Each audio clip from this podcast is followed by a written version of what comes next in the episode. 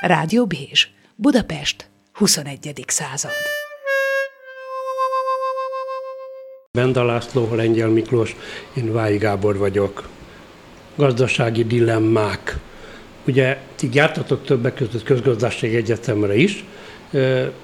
Ma is ilyeneket mondanak, hogy a gazdaság alakzatai spirál, V, W, hullámgörbe, görbe. lengyel úrnak dolgozol, de, de, de nem is az az érdekes, hanem föl. az az érdekes, hogy ennek kapcsán én azt látom, hogy több országban úgy nyitnak, hogy közben nyitást korlátoznak, magyarul zárnak és, és hogy többször volt erre szó, hogy ez egy akarnak, folyamatos vagy politikai gaz... Járvány van, vagy nincs járvány. Hát ez az, csak hogy ez egy folyamatos politikai dilemma. Annak idején is azt mondta az Miklós egy pár adással ezelőtt, hogy nincsenek kirillés méltó helyzetben a vezető politikusok. Hát ez teljes mértékben így van. Igaz, a... igazat mondott. Na, végre egyetértünk valamiben. Teljes, teljes mértékben így van, hogy borzasztó nehéz ezzel kapcsolatban dönteni. Különösen most, hogy ugye a negyedik hullámot sokan várják, már abban az értelemben, hogy megjósolják, hogy jön. Ugyanakkor azok, akik itt a gazdaság, van, szenyor, gazdaság van, döntéshozói, azok pedig mindent megtesznek, hogy ne következzen be újabb zárás. Mert ugye a kérdés elsősorban arra vonatkozik, hogy lehet-e a járványt úgy kezelni, hogy ez ne okozzon fennakadást a gazdaságban. Nem lehet. Hát ezt benne a kolléga, mint első számú járványszakértő, aki a társadalom lélektanát is kit, kitűnően ismeri, ez bizonyára így van, de az a remény él, sok helyen, például Izraelben, ahol ugye ilyen értelemben előfutárok, mert a nagyon nagy oltottság ellenére nagyon sok a fertőzés. A negyedik hogy, hullám következtében. Hogy a negyedik hullámot lehet annyira limitálni, hogy ez a gazdaságot ne sértse olyan mértékben, amelyik hát a növekedést ö, visszavetné, mert legyünk őszinték, a világgazdaság nincsen olyan helyzetben, és hogy említsünk itt ugye női szereplőket az Amazonában illik, hogy jelen asszony talán az első számú jelen szereplője. Jelen az amerikai jegybank a, jelenlegi elnöke. Nem, most ő a pénzügyminiszter, bocsánat. Most pénzügyminiszter, pénzügyminiszter bocsánat, ez, a korábbi, igen, ez igen. a korábbi tisztsége volt. Igen. Ugye ő a nagy karmestere a globális gazdaságnak most, és hát nincsen könnyű helyzetben, mert ö, neki ö, olyan ö, dinamikus gazdaságpolitikát kellene előállítania, amelyik nem okoz inflációt. És ez egy olyan, Na, ez egy olyan, olyan csapda, amivel küzdik ő is, de küzdik Magyarország is, hiszen látjuk, hogy Magyarországon is vita van, méghozzá olyan szinten, ami általában nem szokott bekövetkezni a magyar Ilyen kormányzati, a, a, a, a magyar kormányzati apparátusban, ahol az első számú vezető, hogy így fogalmazunk, szigorúan ügyel arra, hogy mindig a teljes nézetazonosság derüljön ki, legalábbis kívülre. Kibeszél és kizárva. Be, belül, belül pedig nagy ellentétek lehetnek. Most ez megszűnt, a dilemmákat eléggé világos világosan lehet látni, hogy egyrészt szükségle van dinamikus növekedésre, másrészt az inflációt mindenképp meg kéne állítani. Csak hogy ezek a wishful thinking, a vágyak megfogalmazása, és ugye Magyarország szintjén már is látszik, hogy ugyan a jegybank a legelsők között emelt kamatot, amivel megelőzte korát, nagyon szokatlanul, hiszen mindig a kamatcsökkentés volt a Magyar Nemzeti Banknak a legfontosabb ismérve, hogy így, Aminek így mondjuk. Aminek nem és, örült teljes mértékben. És most lett, hiába volt a kamatlábemelés, sokan elkésetnek mondják, és inflációban az Európai Unió bajnokai vagyunk. A bajnokságnak általában mindenki büszke és boldog tulajdonosa, Kivéve ebben az esetben, ebben az esetben kevésbé. Tehát itt és ezzel a dilemmával nem csak mi állunk szembe, hanem jelen asszony is, aki ma azon a véleményen van, hogy az infláció csak kisebb veszély, a fő veszély az, hogy nem lesz konjunktúra. Ezt már sokan mondták. Hozzáteszem, hogy ennyiben is érvényes lehet netán az, amiről itt már többször beszéltünk, hogy az amerikai politikát elnökválasztás, elnökváltás dacára a folyamatosság és a váltás jellemzi, de hát a Trumpi politikának pont ez volt a lényege, hogy lekicsinyelte a járványveszélyt, nevetségessé tette az oltást, a maszkviselést, vagy legalábbis némiképpen elhanyagolta, ugyanezt tették a tanítványai, például Jair Bolsonaro brazil elnök, ahol drámaivá váltak a, az események, vagy éppen egy szintén populista vezető, az indiai Narendra Modi miniszterelnök, és hogyha látjuk azért az Egyesült Államok, India és Brazília jelenleg ebben a sorrendben majdnem a felét képviseli annak, ahányan megfertőzöttek a járványveszélyben, vagy akár ahányan elhunytak ebben a járványveszélyben. Tehát oké, okay, muszáj nekik erőltetni a hazai közönség számára, meg az újraválasztásuk segítségére, amiben Trump már elvérzett, Bolsonaro úgy tűnik, hogy a legjobb úton halad e felé, majd meglátjuk, hogy Indiában mi történik hasonló esetben, de a kettő a tűz és víz összeházasítása, azért lássuk be. Tehát az inflációt is megfékezni, a gazdaságot föllendíteni, és egyben a járványveszélynek valahogy a gátját állni, a statisztikai adatok jelenleg ennek az ellenét mutatják. És van még egy aprócska tényező, amit mindig újra meg újra meg kell említeni, hogy lengyel kolléga mondja, hogy jelenleg jelen asszony, aki csak ugyan momentán pénzügyminiszter, és már nem a központi bank elnöke, ő volna a világgazdaság karmestere.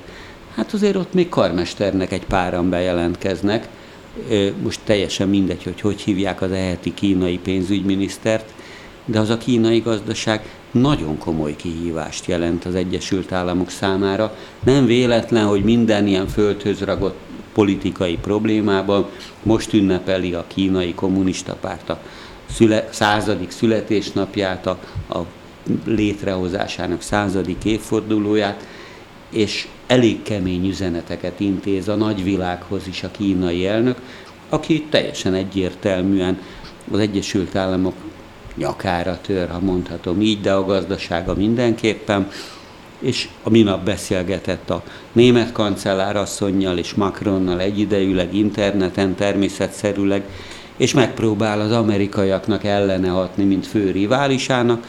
Biden elnök azt mondja ebbe a húzd meg, erezd meg politikába, hogy megpróbálja visszaédesgetni az európai szövetségeseit, Xi Jinping pedig azt üzente nekik meglehetős nagy nyíltsággal, hogy próbáljanak meg a függetlenségükért küzdködni, és nem visszamenni az amerikai akolba. Hát egy pár ilyen apró kiegészítés, ugye túlléptük a 4 millió Covid halotton, ami azért jó, hogy tulajdonképpen a világ, a világ. a világ túllépett ezen, és azért ez egy eléggé drámai szám, akárhogy is vesszük, mert mutatja, hogy egyáltalán nincs még vége a járványnak, még hogyha le is lassult nagyon sok országban, és egyre kevesebb a halálos áldozat. Ez ugye azzal is összefügg, hogy ezek az újabb variánsok, például ez a delta, ez nagyon fertőző, de kevesebb halálos következménye jár, már csak azért is, mert a lakosság jelentős része be van oltva. De, hát olva, már ahol. de olvastam, egyrészt a már ahol, másrészt olvas, olvastam arról, hogy Kaliforniában az Epsilon variáns tűnt uh-huh. föl, és ez az epsilon variáns állítólag az oltottságot is, tehát olyan vírus ez, amelyik az oltott embereket is nagyon súlyosan érintheti de jelen pillanatban csak ennél a bölcsességnél ragadtam le, nem lévén de orvosi, is orvos, ez a jellemző, orvosi hogy a beoltott emberek is újra fertőződhetnek. Orvosi szakértő, de ez eléggé szomorú következmény, ugye ránk nézve is, akik büszkén viseljük az oltási papírjainkat, és hogy elégedettek vagyunk azzal, hogy meg vagyunk védve, hogy azért ez nem jelent százszázalékos garanciát, és ugye a másik a probléma az, amit Benda a kolléga itt említett, hogy a lakosságnak majdnem a fele Magyarországon nincsen beoltva és ez más országokban is komoly probléma, ugye sok helyen megvitatják azt, hogy lehet-e kötelezővé tenni az oltást. És ez ugye érdekes módon még Oroszországban, hogy fölmerült, azon nem csodálkozunk, de még ott is azt mondták, hogy hát ezt nem. Ez azért érdekes, mert ugye a Oroszország hát azért nem arról ismert, hogy különösebben figyelembe vennék a polgárok szempontjait, de még Putyin is visszariadt ettől, hogy a tömeges oltással olyan negatív visszhangot váltson ki a lakosságból, amit esetleg hát később a választások során majd mint népszerűségvesztést kell elkönyvelnie.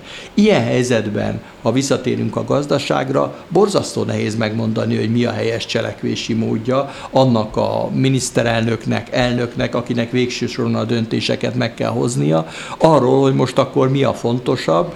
A fő irány az az úgy tűnik, hogy mindenképpen a gazdasági növekedést kell ösztönözni, hatalmas állami pénzekkel, a jegybankoknak is ebbe az irányba kell, és az inflációt abban bíznak, hogy fel lehet, fel lehet függeszteni az infláció hatását, és nem lépi túl az előrejelzett 3-4 százalékot. De tudjuk, hogy Amerikában is már elérte az 5 százalékot, nálunk már túl is lépte, ez az egyik. A másik ma. pedig az, hogy ugye ezeket az inflációs mutatókat ugye egyre többen bírálják, hogy mit is mutat ez az infláció. Uh-huh. Mert itt vannak például az ingatlanára, amelyek ebben nincsenek benne. Na menj ki a piacra, de sejteni ben, fogod. Bent a kolléga, aki a piacra... De melyikre az építőipar anyagpiacra? Ó, vagy... az még drámaibb. Németországban csak uh-huh. a faanyagok ára 80 százalékkal nőtt.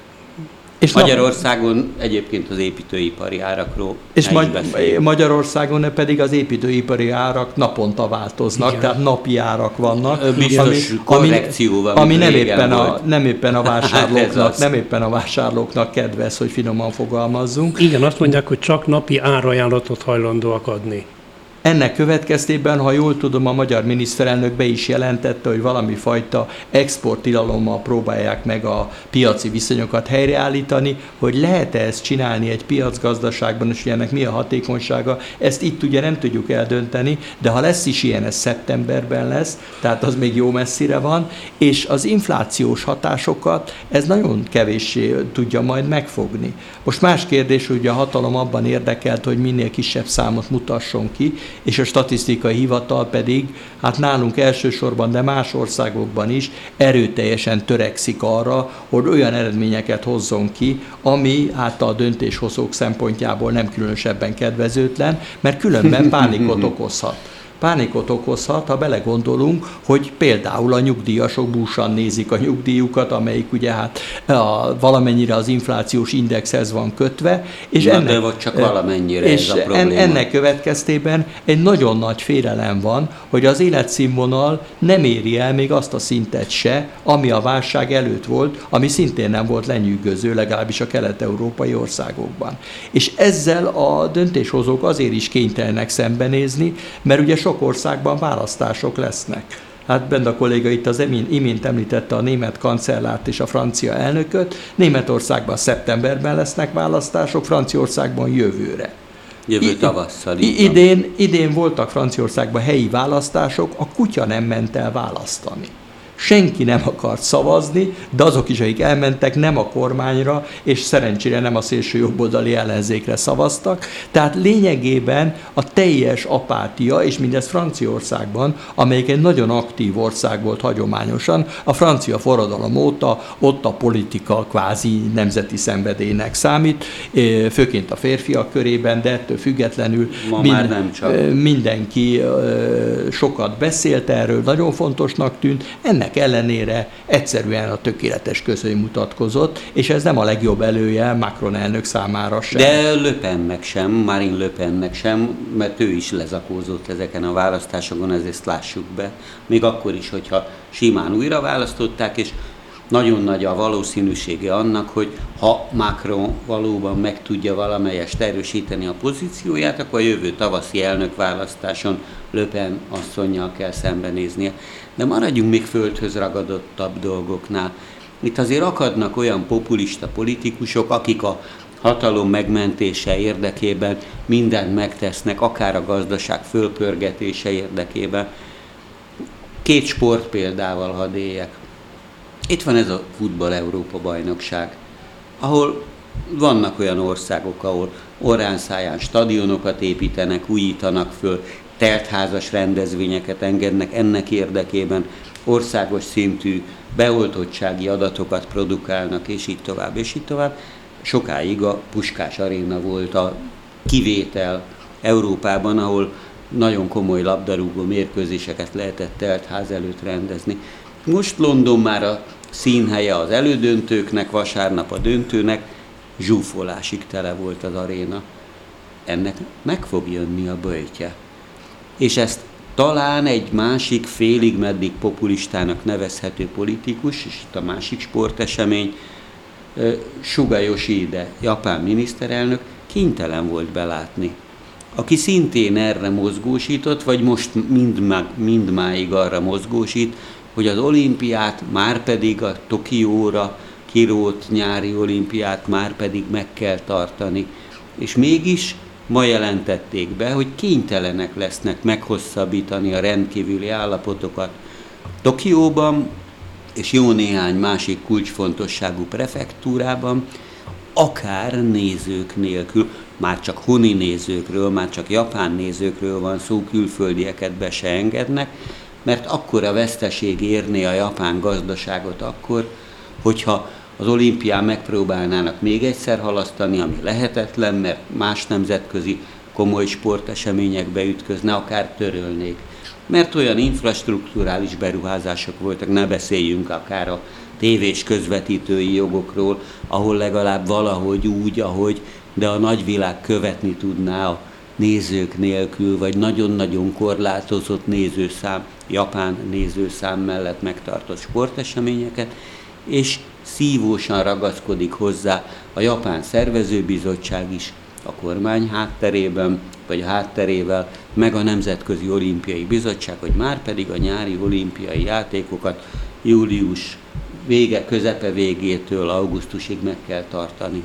De nem csak a pénzről van szó, hanem óriási szerintem a közvélemény nyomása is. Én a egy harmadik hát már Japánban ellenkezőleg. Nem csak Japánban, hanem az amerikai példát akartam, harmadik sport példát. Én az NBA-t, az amerikai kosárlabdát nézem, most vannak a döntők a kezdet, kezdetén még alig voltak emberek a stadionban, most már abszolút telt ház van, az emberek egymás nyakába borulnak, ordítoznak. Ezt látjuk a senki, is, igen. senki sem hord maszkot, tehát lényegében, vagy legfeljebb, mondjuk tudom én, az edzők, vagy akik nagyon közel vannak, a, hmm. és néha eltiltanak egy-két játékost, mert hogy van valami Covid gyanú vele kapcsolatban, de az, hogy az emberekből kitör szinte az a másfél éve, vagy mióta lefolytott feszültség, hogy végre itt lehetünk, és óriási boldogság van, nem is csak a stadionokban, hanem ugye sokan nem férnek be, és akkor a stadionok előtt, mint a valószínűleg jól berúgva, ott ordítoznak és lelkesen kiabálnak, pedig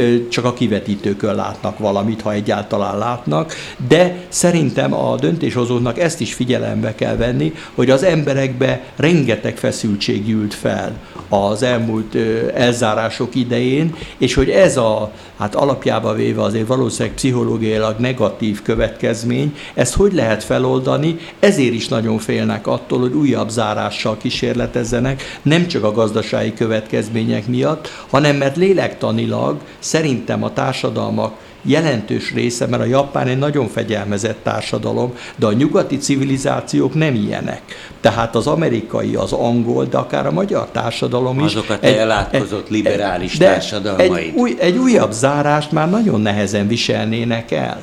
Tehát, hogy lélektanilag... Már pedig el kell jönni. De lélektanilag sokan úgy érzik, hogy elértünk ahhoz a ponthoz, hogy újabb zárást már a társadalom nem viselne el, a családok nem viselnék el. Ennek következtében a döntéshozónak szerintem ezt is figyelembe kell venni, hogy ez már nem csak gazdasági, hanem társadalom lélektani kérdés is, hogy mi az, amit az embereknek hát megengednek, és mi az, amit nem. Az angol bulvárlapok rendszeresen például Boris Johnsonhoz személy szerint intéznek kéréseket, ne vedd el tőlünk a futballebét például, ne vedd el tőlünk a turizmus lehetőségét, nyaralni Nagyon akarunk. populista nyaralni. Jó, ez populizmusnak hat, de az végül is azért egy miniszterelnök a szavazatokból él, és el kell gondolkoznia, hogy a legnépszerűbb bulvárlapok ezzel ostromolják, hogy Boris ne tegyél már velünk ilyet, mert nyaralni akarunk, akkor el kell gondolkozni, hogy ezek az emberek, ha nem kapják meg a nyaralást, és most már ugye nem először,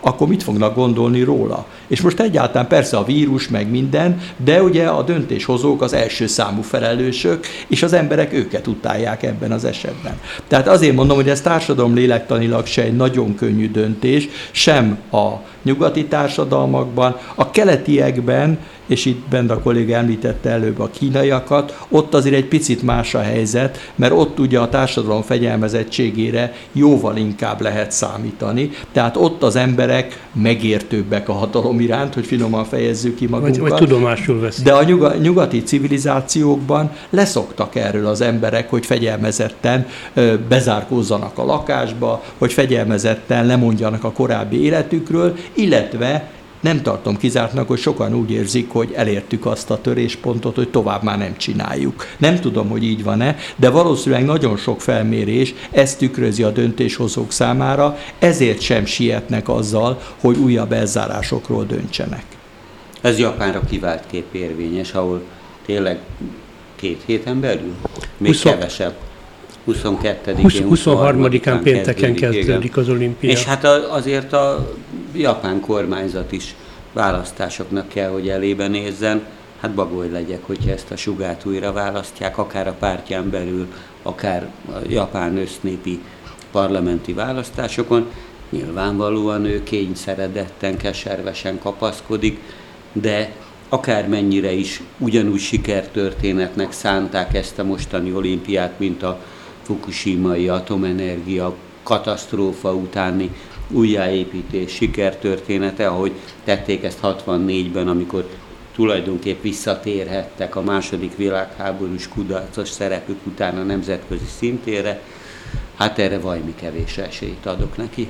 Hát egy válság kellős közepén vagyunk, csak ezt ugye nem a nagyon akarja senki szívesen beismerni. Ez a válság részben gazdasági, társadalmi, részben ugye a vírussal van összefüggésben, és ezt a kombinációt senki nem tudja igazán hatékonyan kezelni. Se a demokratikus vezetők, se a populista vezetők, és ilyen értelemben szerintem még például a kínaiak is problémákkal küzdhetnek, csak ezekkel a problémákkal ők küzdenek a vezetők, és megkímélik a külvilágot, hogy az információkkal hát ellássák erről az embereket, de a kínai társadalom is valószínűleg nagyon nehezen dolgozta fel ezeket a ö, problémákat, és azért is van valószínűleg ez a megnövekedett nacionalista propaganda Kínában, hogy elvonja az emberek figyelmét arról, hogy óriási áldozatokat hoztak a kínaiak is az elzárások idején, és ez a kínai társadalom már nem ugyanaz a fegyelmezett kínai társadalom, társadalom, amelyik Mao elnök jelszavaival menetelt annak idején, és az egész életét alárendelte a hatalmi központnak, óriási most már az értelmiség számaránya is a társadalmon belül, hatása, és az, az internet, internet hatása, tehát, tehát lényegében ez a Kína már egy modern társadalom jelentős részben, és ezt már nem lehet olyan módszerekkel irányítani, mint ahogy a kommunista párt évtizedeken keresztül megtette. Mondjad, Mondok egy ravasz uh-huh. ellenpéldát. Az üzlet valóban nagyon komoly. Elvben ki lehet játszani a hivatalos politikát, vagy a hivatalos politika úgy tehet, mint hogyha erről nem tenne. Kína, amióta világ a világ igényt Tajvanra, akkor is, hogyha ez a kis sziget ország Kína által elbitangolt tartománynak nevezett rész soha nem volt a kínai népköztársaság része. Mintaszerűen kezelték a járványt, de csak felütötte ott a fejét a járvány, alacsony 9% a 23,5 milliós lakosságnak, aki be van oltva. Marha nagy szükségük van oltásra. De a WHO-ba se fogadták el kínai blokád miatt, és keresgélniük kellett, hogy mit lehet mit tenni két nagyon-nagyon komoly világszerte ismert tajvani vezércég, ami Kínában is nagyon komolyan érdekelt. Az egyik a Foxconn, Magyarországon is ismert, a másik a TSMC, ez a világ legnagyobb félvezető és ilyen komputer elemeket gyártó cége, megkeresett egy olyan sankai testvércéget, mindegy mit, aminek a révén, ami monopól helyzetet érvez a kínai törvények értelmében arra, hogy nyugati oltásokat szerezzen be, azt hiszem Pfizer-t, meg tudják vásárolni azt, amit Kína amúgy mindenütt tiltakozással fogadna, hogy ennek az elbitangolt tartománynak már pedig semmit, hogyha nem tőlem kéri. A németek kushadnak, a német kormány nem nyilatkozik ki inkább, de háttérből nyomást gyakorol a, a cégre, ne a BioNTech-re, bocsánat, a BioNTech-re, hogy gyorsítsák föl az ügymenetet, adják oda annak a Shanghai cégnek, ami tovább játsza Tajvannak. Tehát a háttérben az üzlet a tatarozás alatt zavartalanul zajlik.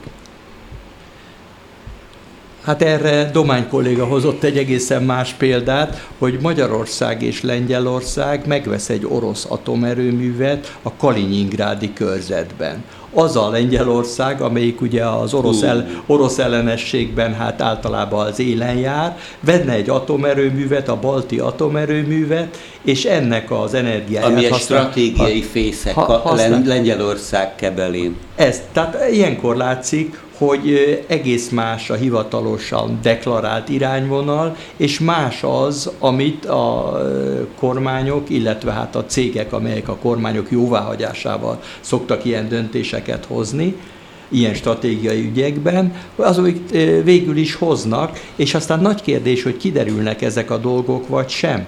A kínaiaknak az az óriási előnye a vetétársakkal szemben, ritkán hogy derül ki nagyon ritkán is. derül ki bármi, mert minden egyezmény, minden titkos, ehhez ragaszkodnak is, és nem is nagyon szivárok ki ezekből semmi. Ennek megfelelően úgy néz ki, hogy mindig minden rendben van de ez egyáltalán nem biztos, és néha, amikor tényleg van valami dráma, akkor derül ki visszamenőleg, hogy hát bizony azért itt elég komoly problémák merültek föl, és hát sokan úgy vélik, hogy maga ez a Wuhani vírus is egy ilyen jellegű, hát belső krízis volt, amit nagyon gyorsan igyekeztek a kínai döntéshozók eltitkolni a külvilág elől. Vagy nem. Hát hadd ne bújjon ki most, de most kibújik belőlem kis a szakember, szóval azon gondolkodom kezdettől fogva, hogy hallgatom, amit mondtok hétről hétről, hogy micsoda hatalmas ellenállásban van mondjuk Amerika meg Kína egymással, de mi lett volna, hogyha ezek mondjuk, játszunk el a gondolatra, lehet, hogy az utópia, ezek összefognak gazdaságilag, kutatásilag, hogy ez mekkora potenciálveszteség ment így most el? Én azt gondolom, hogy ez fordítva történt. Tehát itt nem a probléma merült fel, és azon vesztek össze, hanem előbb megszületett a döntés arról, hogy Kína már nem partner, hanem vetétárs és ellenfél, és utána keresik a különböző apropókat a szembenállás megindoklására. Szóval először van az okozat, aztán az ok. Így van, tehát a döntés előbb született meg, uh-huh. mint bármifajta, ugyanis ezeket a problémákat tudták kezelni. Uh-huh. Hát Wuhanban ebben a problematikus intézetben, amelyikről már többször szó volt a műsorban is, ugye amerikai befektetések is voltak, amerikaiak is dolgoztak ott, Igen Legutóbb megszólaltattak egy ausztrál orvosnőt, aki az utolsó külföldi volt, aki ott még munkálkodott, tehát lényegében egy nemzetközi munkamegosztás részese volt. Ilyeneket, hogyha akartak volna, nyugodtan megbeszélhettek volna egymás között, de már évek óta érik ez a feszültség Kína és az Egyesült Államok között, mert Washingtonban rádöbbentek arra, hogy Kína veszélyezteti az ő világhatalmi szerepüket. Itt ugye azzal kezdtük a műsor elején, hogy jelen pénzügyminiszter a nagy karmester, és Benda kolléga joggal tette hozzá, hogy ő annak képzeli magát, de Kínában és másút egyáltalán nem osztják ezt a nézetet. De ezt a kínaiak meg is mondták neki, mert ugye van ez a nemzetközi adóterv, hogy a nagy multicégeket azonos adó struktúrával próbálják megfogni a világ minden részén. Ezt elfogadta a G7, tehát a lényegében a nyugati nagyhatalmaknak a csapata, később ugye sokkal többen az OECD keretében, de a kínaiak elég keményen megmondták, hogy ennek vége van ennek az időszaknak, amikor Amerika és a szövetségesei eldönthették, hogy mi is a jó a világnak, és mi nem.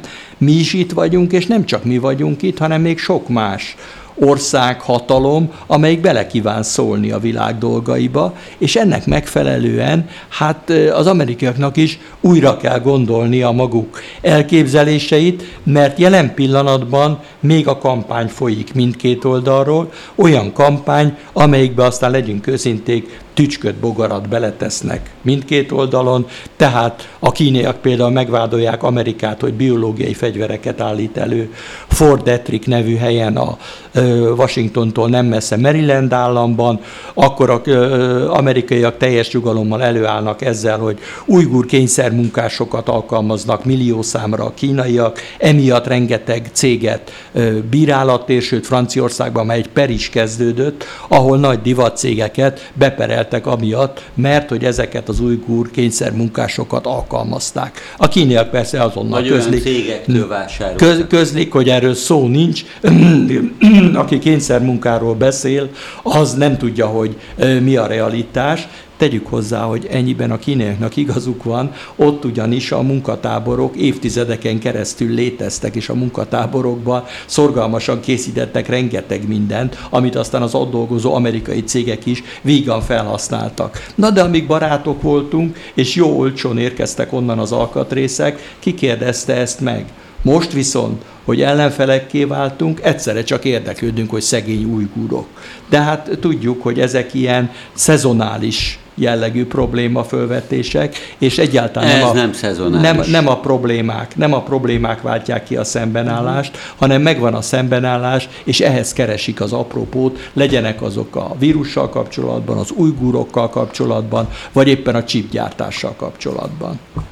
Egyetértek, ezért nem szezonális. Tehát ö, egy picit annyiban nem szeretnék a Gábor szakmájába belefolyni, hiszen semmi közöm hozzá, vagy nem értek hozzá, de annyiban naívnak érzem a kérdést, hogyha megnézel egy, nem tudom, szarvascsordát, akkor a két vezérbika nem alkudozni fog egymással, hogy hogy osztozunk a többieken, hanem megvívnak egymással, hogy ki legyen. A világpolitika is ilyen, nem tudom, hogy mennyit beszélgettünk már ebbe a műsorba, mostanában ilyen nagy elméleti vita, gondolom Lengyel úr a legnagyobb szakértői egyike, hogy Tukidides csapdája, hogy már Spárta és Atén is harcolt amiatt, hogy a feltörekvő hatalom az bizony a monopól helyzet, vagy az addigi nagyfőnök leverésére törekszik.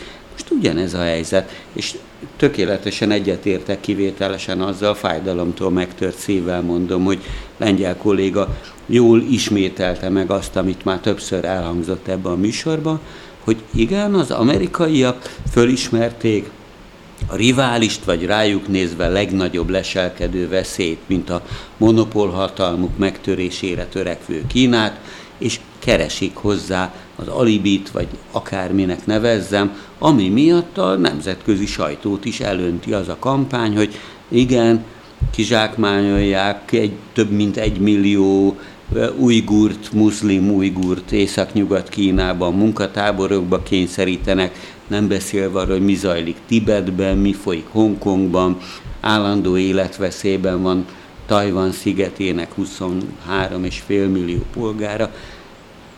Erre egy becsuána mondást tudok idézni, ha egy kutyát meg akarsz verni, mindig találsz hozzá botot. Na, hát itt Becsúán az Botswana, úgyhogy akkor már mindent tudunk itt a, a népi mondások keretében, de itt egy elég átfogó koncepcióról van szó, és éppen most írtam egy cikket arról, hogy például Angliában a legnagyobb csipgyárat a kínaiak meg akarják venni. És hát erre azt mondták, ugye, ha Velszben van ez a gyár, hogy tessék parancsolni. Nettó haszon, szép árat kínálnak érte, ez a cég jövőjét biztosítja, mondta a vezérigazgató. Erre leszóltak Boris Johnson kormányától, nem úgy van az, fiúk. És elrendelte Boris Johnson, a nemzetbiztonsági tanácsadó, hogy bent a kollégát ezen a téren is kielégítsük, a nemzetbiztonsági tanácsadóját mozgósította, hogy nézd csak meg, ez a gyár mit is termel? Ez a kínaiaknak mennyire jó? A hadsereggel együtt működik? Nem lehet, hogy ez olyan szellemi értéket passzolunk át, amit esetleg nem kéne? Mert ugye ő is meghallotta azt, hogy Biden elnök nagyon nagy részt azért jött Európába, hogy azt mondja a szövetségeseinek, hogy fiúk, lányok... Vissza az akolba. Fiúk, lányok, ugye a nyugati szövetség részét képezzük, és akkor ezen belül hát megosztjuk az információkat, de a kínaiakat viszont igyekszünk kiszorítani erről a helyről, és lényegében például a csipgyártás, ami egy stratégiai ágazat, hát igyekszünk azt, hogy a kínaiak lehetőség szerint ne jussanak hozzá olyasmihez, amivel minket megelőzhetnének a versenyben. Most még nincs döntés, ugye hát eh, legalábbis abban eh, az információ halmazban, amit elolvastam, még erről nem volt döntés, hogy Boris Johnson hogy döntött, de valószínű, hogy meg akarja mutatni az amerikai szövetségesnek, hogy igen, éberség, figyelünk, Ez olyan hidegháborús reakció már, de hát emlékszünk rá, hogy az OECD, amelyik most ezt a nagy adóprogramot kidolgozta. Mondd el, mi az OECD. Ez, az OECD Párizsban működik, és eredetileg a Marshall terv volt a A leggazdagabb nyugati országok szövetsége. Szövetsége, de mondom, hogy ez egy, tulajdonképpen egy amerikai alapítású intézmény, ami azt mondta, itt vagyunk mi amerikaiak, és itt vannak a szövetségesek, azok a nyugat-európaiak voltak akkor, és jön a Marshall terv, hogy megakadályozzuk, hogy az oroszok lényegében a kommunisták támogatásával esetleg hatalomra jussanak. És tényleg a Marshall terv segítségével sikerült Nyugat-Európát felfuttatni, és a kommunista pártok döntő többségbe eltűntek a színről. De lényegében a mai körülmények között újra hasonló helyzetet idéz föl Biden elnök, aki gyakran hivatkozik a 45-ös párhuzamokra, hogy bizony hidegháború szituáció jöhet létre, és ilyen szempontból az is nagyon komoly veszélyeket jelenthet, amivel Magyarország is kísérletezik, hogy mi van akkor, hogyha Kína Magyarországon egy szövetségesen keresztül próbálja meg az amerikai vagy más technológiát megszerezni. Ugye emlékszünk, hogy voltak ezek a híres kokomlista. Ez volt az, amit az OECD kezelt a nyugati országokban, hogy olyan árukat ne adjunk el a kommunista országoknak, amelyekből azoknak a hadserege hát előnyt kovácsolhat. És éppen Magyarország volt az egyik fő megbízottja a Szovjetuniónak, hogy titeket ugye a nyugati, világ, a nyugati világ előnyösebben kezel, mint minket. És akkor a magyar fél ugye megvett különböző technológiákat, amelyeket a nyugatiak nekünk eladtak, és meglepő módon aztán ez a technológia megérkezett valamilyen módon a Szovjetunióba is. Most nem kizárt, hogy a kínaiak ezzel kísérleteznek, akár Magyarországon keresztül is. Ez pedig ugye már egy nagyon érzékeny pontja, hogy így mondjam, az amerikai hát, rendszernek, mert ezeket azért általában nagyon nagy figyelemmel kísérik az amerikaiak, és ugye hát az egyik ilyen nagy dráma, ami miatt Kína és Amerika így a sajtóban is megmutatva szembe került egymással, az az, hogy a Huawei-nek a pénzügyi igazgatóját, az alapító atya lányát letartóztatták Kanadában, mondván, hogy a Huawei megszegte az amerikai szankciókat Iránnal szemben. Három tehát, éve, négy éve történt. Tehát, tehát az egész dolog tulajdonképpen egy eléggé mondva csinált sztori, de ugyanerre a hidegháborús logikára épül, hogy nekünk vannak szankcióink egy ellenséges országgal szemben, ti átlépitek ezt a határt, mert azzal az országgal kereskedtek, hát akkor, és elcsípjük a pénzügyi igazgatót, aki hát egy félistennő, mert az alapító atya lánya. Tehát ilyen értelemben meg akarják mutatni az amerikaiak, hogy új időket élünk. És ez bizony eléggé hát szomorú visszafordulás lenne a hidegháború irányába. Igen, de a jelenség és a lényeg dialektikája, hogy ilyen filozófikus példákkal idéző, idézek vissza, ugyanazt mutatja, igen, nagyon nagy nyomást gyakorol az Egyesült Államok az Európai Unióra, vagy a legtöbb európai országra, vagy szövetségesére, hogy a Huawei-t már pedig, és nem csak a Huawei-t, nem szabad alkalmazni az ötödik generációs mobiltelefónia fejlesztésében és nagy fejlett, komoly gazdaságú nyugat-európai országok is hosszasan dilemmáztak, vagy van némelyik, amelyik még mindig dilemmázik, hát nyilván most Boris Johnson előre szalad Bidenék kebelére, mert kiesett az európai, kilépett az Európai Unióból, úgyhogy kell egy sokkal komolyabb ö, kapcsolatrendszer, de az Európai Unión belül ez még mindig hasadékot jelent. Amikor az előző korm, amerikai kormányzat képviselője Szlovéniában járt, még Orbán Viktor legjobb nyugat-balkáni tanítványa Jans is rögtön föl, fölsorakozott, csatlakozott, és mondta, hogy nem, hát akkor nálunk Huawei-ből nem lesz semmi. Magyarországon? Van. Na ugye. Na de, na de annak idején, mikor ez szóba került, akkor Miklósok éppen te mondtad, de egyelőre Európai Unióban nincsen ehhez hasonló technológia. Igen, hát ez, ez a, jó, ez egy külön kérdés igen, már. De ezen túlmenően is az, amit Xi Jinping elnök mondott, bent a kolléga már emlékeztetett arra, hogy Macron elnökkel és Merkel kancellárral eszmecserét folytatott, igen hogy fölhívta a figyelmet arra, hogy az amerikaiak tilalmi listákat hoznak, de pénzt nem. Tehát mi hasznotok van nektek az együttműködésből? Mert ugye itt említettük a Marshall tervet, amiből hát Nyugat-Európa óriási mértékben profitált. Voltak tilalmi listák, de a másik oldalon volt bevétel is.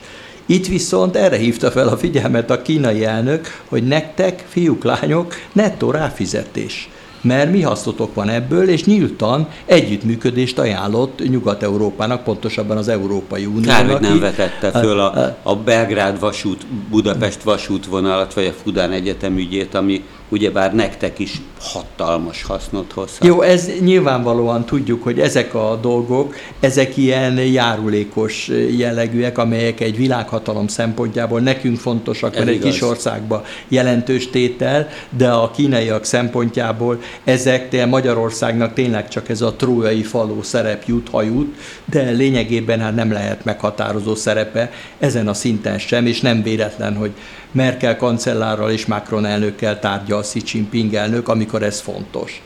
Nem meghívja ő Orbán Viktor miniszterelnököt is, de nyilvánvalóan az egy másik szintű együttműködés, de itt az a figyelmeztetés, amire különben a magyar kormány is néha szokott utalni, hogy mit kapunk Amerikától tehát, hogy lényegében itt ugye az 5G rendszer kapcsán elég egyértelmű, hogy a kínaiak hoznak valamit, amit nyugati oldalról nem tudunk beszerezni, csak néhány évvel később. Másrészt pedig az amerikaiak szemmel láthatóan a globális piacon visszahúzódóban vannak. Az egész Európai Unió legfontosabb kereskedelmi partnere már évek óta Kína beleértve Nagy-Britániát is, amelyik most már nem uniós tagország, de mindenki azt gondolta, hogy na most a kilépés után majd akkor az Egyesült Államok lesz a fő partner, nem így van. Kína lett a fő partner. Tehát ilyen értelemben a kínaiak azok, akik elég dinamikusan előre törnek a gazdaságban, ugye ők akarják megvenni a chipgyárat Angliában, és nem az amerikaiak, és ez egy kínos kérdés Biden elnöknek, hogy hát mit tudsz adni? És hát az a probléma ilyen szempontból, hogy semmit. Hiszen jelen pillanatban az amerikai gazdaság a saját problémáival van elfoglalva, Amerika is válságban van, és örül annak, hogyha sikerül szerencsésen kezelni ezt a válságot, és előbb-utóbb helyreáll a vírusválság előtti gazdasági helyzet, de lehet, hogy ez csak a sikeres válságkezelés, csak Európához képest lesz sikeres, Kínához képest nem. Tehát a globális versenyben nem nyer ebben az időszakban. Ennek a válság időszaknak jelen pillanatban egyértelműen egy igazi nyertese van, és ez Kína. Ez olyannyira igaz, hogy bármennyire kételkedünk a különböző statisztikai kimutatásokba, ilyenkor szokta Gábor idézni a számára legkedvesebb Churchill idézetet, hogy csak abba hisz, amit ő hamisított, de akárhogy is van, a kínai gazdaság igen, csak ugyan azzal a fegyelmezett, fegyelmezési, nem liberális módszertannal, ami Kínában bevett szokás, az emberek fegyelmezettek, és így tovább.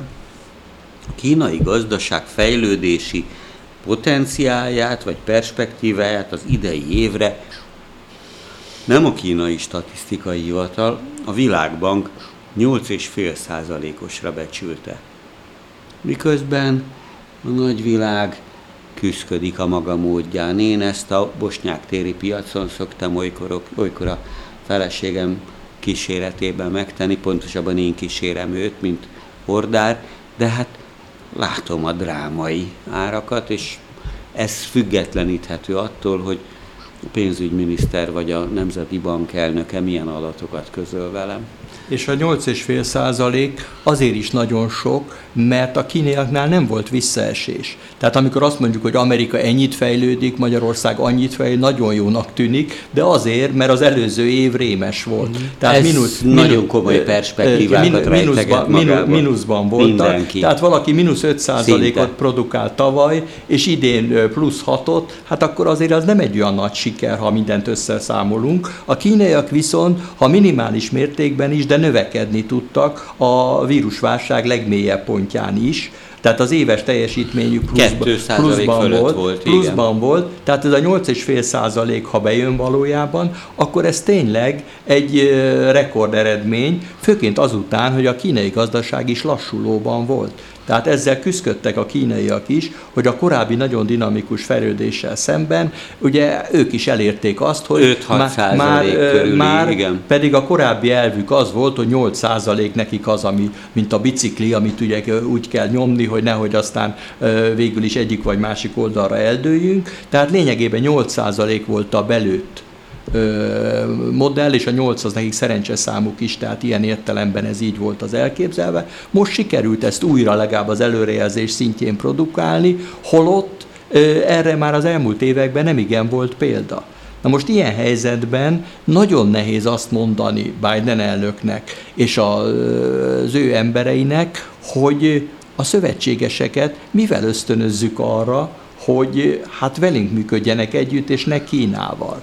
Blinken külügyminiszter azt mondta ezzel kapcsolatban, hogy mi nem akarjuk azt, hogy a szövetségeseknek választaniuk kellenek Aha. Washington és Peking között. De hát ez egy olyan cáfolat, amit ugye nem lehet szó szerint értelmezni. Valójában ö, azt gondolom, hogy elsősorban azért ők mégiscsak erre gondolnak, hogy aki szeret, az engem követ, aki pedig nem, az magára vessen. A szociálpszichológia alaptétele, hogy a nemmel kezdődő mondatokból elhagyjuk a mondat elén a nemet, akkor kapjuk meg a mondat igazi tartalmát. Tehát nem akarjuk, hogy választani kelljen, elhagyjuk a nemet, tehát akarjuk, hogy már pedig választani kell. Na de a Kína ugyanúgy, mint a nyugati civilizáltásot önti a gazdaságba a pénzt? Pillanat, pillanat, hadd kötek egyek. Kötek egyek. Kína úgy, mint a nyugati civilizált társadalom? Hát azért, mert az... Mi a, hol hát, melyik a civilizáltabb, vagy hol hát, kezdődött várjál, a civilizáció? A, az, a nyugat azért... ott kezdődik, amikor Amerikában egy 30 éves házat történelmiként mutatnak be? Nem, na de hát Amerikának azért más a történelme, mint Európának, csak amire ti akár a mai műsorban is legalább háromszor utaltatok, hogy Kínában Kínában, már bocsánat, hogy nagy klasszikus idézek, de egy a parancs, egy a végrehajtás, egy a tábor, egy az ászló, mondhatnánk másképpen, mert nekik nem a négy vagy öt éves választási ciklusra kell az hajtani, hanem Kína azt mondja, hogy lehet, hogy ez majd 5, 10-25 év múlva fog kamatozni, de nekik van rá idejük. Na akkor mondd el, hogy mi van a civilizált nyugaton. Hát mert ti mondtál, hát az előbb a Miklós is azt mondta, hogy az a fajta japán vagy kínai fegyelmezettség az, el, az elképzelhető a nyugati társadalmakban. De Japán az a hogy, civilizált nyugat része szerinted? Na, na, na, na, na, na. Azért jó. Lé, szóval... Lélektan most nem fogom elemezni a japán meghajlásoknak a, az igazi tartalmi gondolkodás lényeget, mert most nem ide tartozik.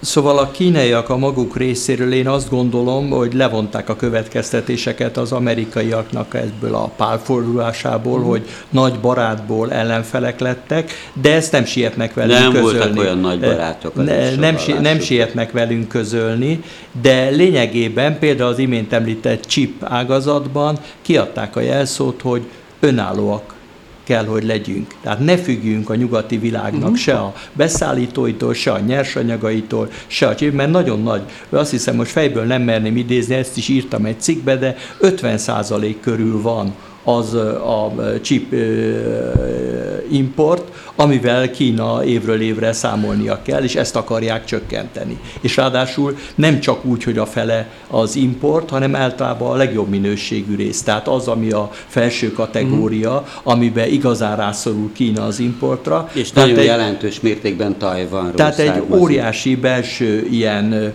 kutatási programot finanszíroznak, kérdezted, hogy mire költik mm. a pénzt. Nagyon ö, ö, szervezetten és szerintem sokkal okosabban költik el a pénzt, mint az amerikaiak vagy az európaiak, akik beleöntik a gazdaságba, mondván, hogy hát induljon újra az egész, és akkor majd csak lesz, hogyha öntjük bele a pénzt, lesz fogyasztás, lesz termelés. A kínaiak rendkívül szelektívek, például ebbe a csipgyártásba ölnek bele milliárdokat, mert úgy gondolják, hogy egyrészt a önállóság, tehát az, hogy legyünk ebben a tekintetben maximálisan önellátóak, tehát ne szoruljunk rá a külvilágra, másrészt pedig az, hogy leszoktunk a kutatásról, mert a globalizáció náluk is oda lyukat ki, hogy miért kutassunk, ha megvejtjük Amerikából.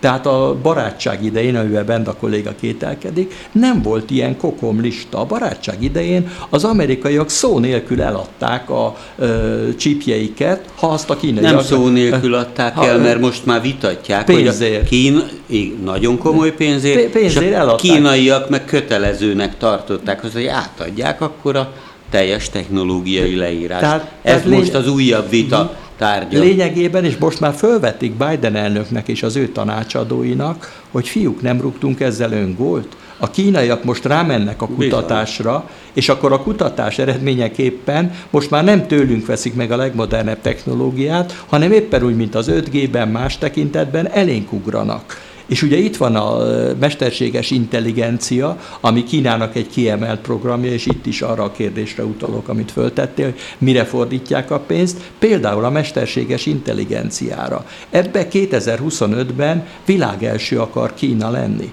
Na most ez például a vészharangot megkongatta Washingtonban, mert azért ugye azt gondolták, hogy ezen a fontos területen jobb lenne, ha mi lennénk az elsők. És 25 már nincs olyan messze. Tehát itt nem arról van szó, hogy mint amit Nikita Szergejevics Huscsov mondott, hogy majd mi lesz 30 év múlva a Szovjetunió megelőzi Amerikát. És 1984-ben. Tudtuk, hogy mi lett belőle, semmi nem lett, hanem lényegében annyi a kínaiaknak egy, egy reális fenyegetése, ami itt van, már a Spájzban. Rádió Bézs, Budapest, 21. század.